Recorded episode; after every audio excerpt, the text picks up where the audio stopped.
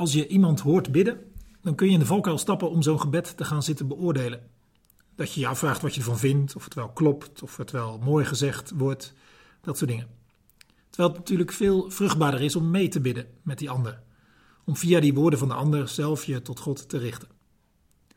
Deze valkuil, om een gebed een beetje te zitten beoordelen, is ook mogelijk bij de psalmen. Dat je bij zo'n psalm, zo'n gebed, bijvoorbeeld psalm 26, die we straks zullen lezen, gaat bedenken wat je ervan vindt. Of je het wel goed vindt of mooi vindt, of je er zelf wat mee kan.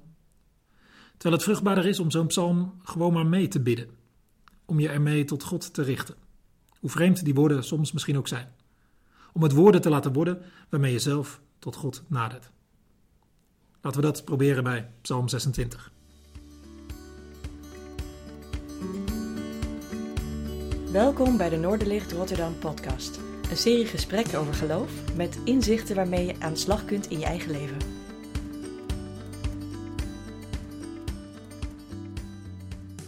Doe mij recht, Heer, want zonder dwalen ben ik mijn weg gegaan. Op U, Heer, heb ik vertrouwd, ik wankelde niet. Doorgrond mij, Heer, en ken mij. Peil mijn hart en mijn nieren. Want uw liefde staat mij voor ogen en ik bewandel de weg van uw waarheid. Met bedriegers zit ik niet aan, met huigelaars ga ik niet om. Ik haat de kring van slechte mensen, met wettelozen wil ik niet aan tafel. Ik zal mijn handen in onschuld wassen, een rondgang maken om uw altaar, Heer, om een loflied aan te heffen, om van uw wonderen te verhalen. Heer, het huis waar u woont heb ik lief. De plaats waar uw glorie verblijft, verwerp mij niet met de zondaars, met mensen die bloed vergieten.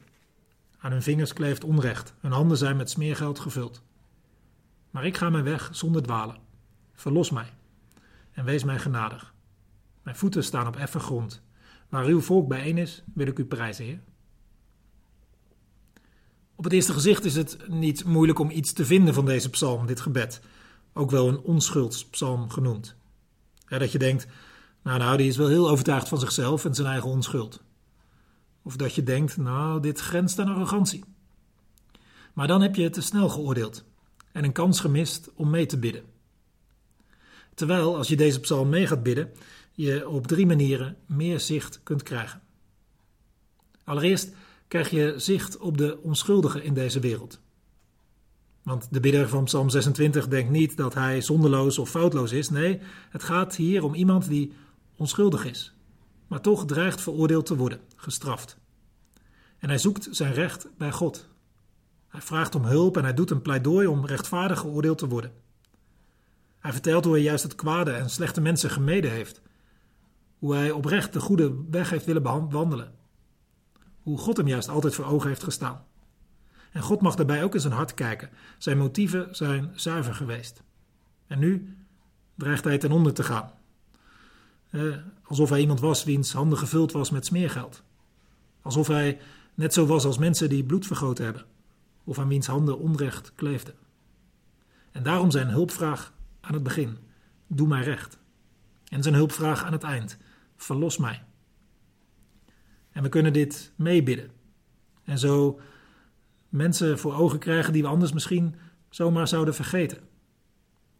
We, krijgen er hard voor, voor mensen die onterecht vastzitten, onterecht beschuldigd. Mensen die, waar dan ook ter wereld, lastiggevallen worden door huigelaars, bedriegers, gepest, wiens naam door het slijk wordt gehaald, terwijl ze alleen maar goed probeerden te doen.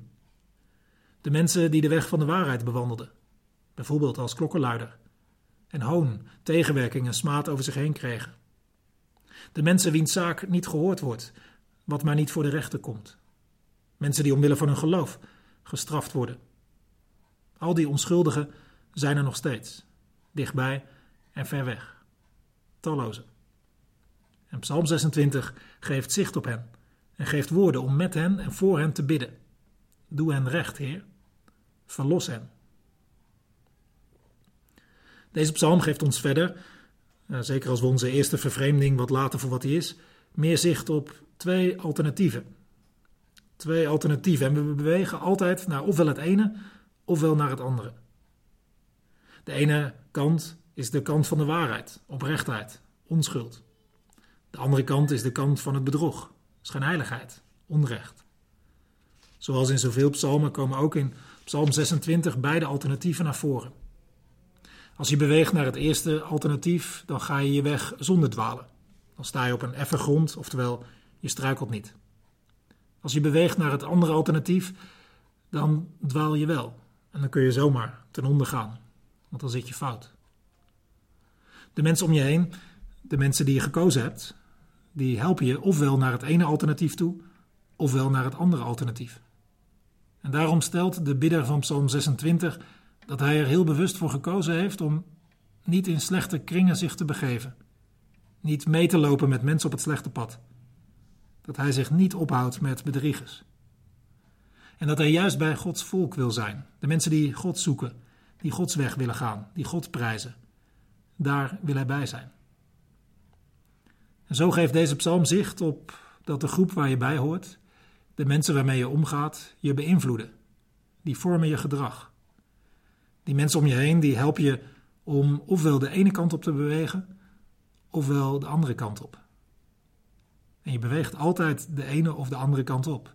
En niemand van ons is daarbij volmaakt zuiver in alles. Ik bedoel, wie is volmaakt oprecht en zuiver in zijn motieven? En wie weet zeker dat er geen bloed kleeft aan de kleding die hij draagt, of de spullen die hij gekocht heeft, of het eten dat hij eet? Maar als je deze psalm meebidt, dan word je als vanzelf meegetrokken naar die eerste kant, de goede kant, de kant van het recht, de kant van waarheid, liefde, oprechtheid en onschuld. Deze psalm geeft dus zicht op mensen van vandaag de dag die onschuldig zijn en bedreigd worden met smaad, onrecht, veroordeling. En ook als je niet zelf in zo'n situatie zit, kun je deze psalm meebidden voor en met anderen. In de tweede plaats geeft deze psalm zicht op twee alternatieven. De kant van waarheid, recht, oprechtheid, het goede. Of het andere alternatief. Leugen, onrecht, huichelarij, het kwade. Waar we naartoe kunnen bewegen en dat de mensen om ons heen ons ofwel naar die ene ofwel naar die andere kant toe beïnvloeden. Als derde en laatste geeft deze psalm ons zicht op Jezus, de volmaakt onschuldige, maar die verworpen werd met zondaars. Hij die zijn weg ging zonder dwalen, maar zijn weg werd bruut afgesneden. Hij die altijd de weg bewandelde van de waarheid, maar door leugens kwam hij aan het kruis. Hij die aan de kant van het recht stond, maar hem werd geen recht gedaan. Hij die anderen verloste, maar zelf niet verlost werd van het kruis. Deze onschuldspsalm was Jezus op het lijf geschreven. En door het onrecht, de straf, het geweld, het lijden dat hij op zich nam, baande hij de weg voor ons mensen om vrijgesproken te worden, verlost te worden. En doordat God Jezus, de volmaakt onschuldige, opwekte uit de dood, rehabiliteerde hij hem, deed hij hem recht. En zo liet God zien dat zelfs de dingen die hier, aan deze kant van de dood, onrechtvaardig blijven, dat hij, God, die alsnog gaat rechtzetten. Het gebed om recht zal God daarom uiteindelijk altijd verhoren. Bedankt dat je luisterde naar de Noorderlicht Rotterdam podcast. We hopen dat je er iets aan had deze keer. Je kunt alle afleveringen beluisteren via Spotify, YouTube, Apple Podcasts, Google Podcasts en natuurlijk via www.noorderlichtrotterdam.nl. Heb je een verzoek voor een onderwerp of heb je een suggestie voor een gast in de podcast? Stuur dan een mailtje naar podcast.noorderlichtrotterdam.nl of vertel het ons via Twitter. Tot de volgende keer!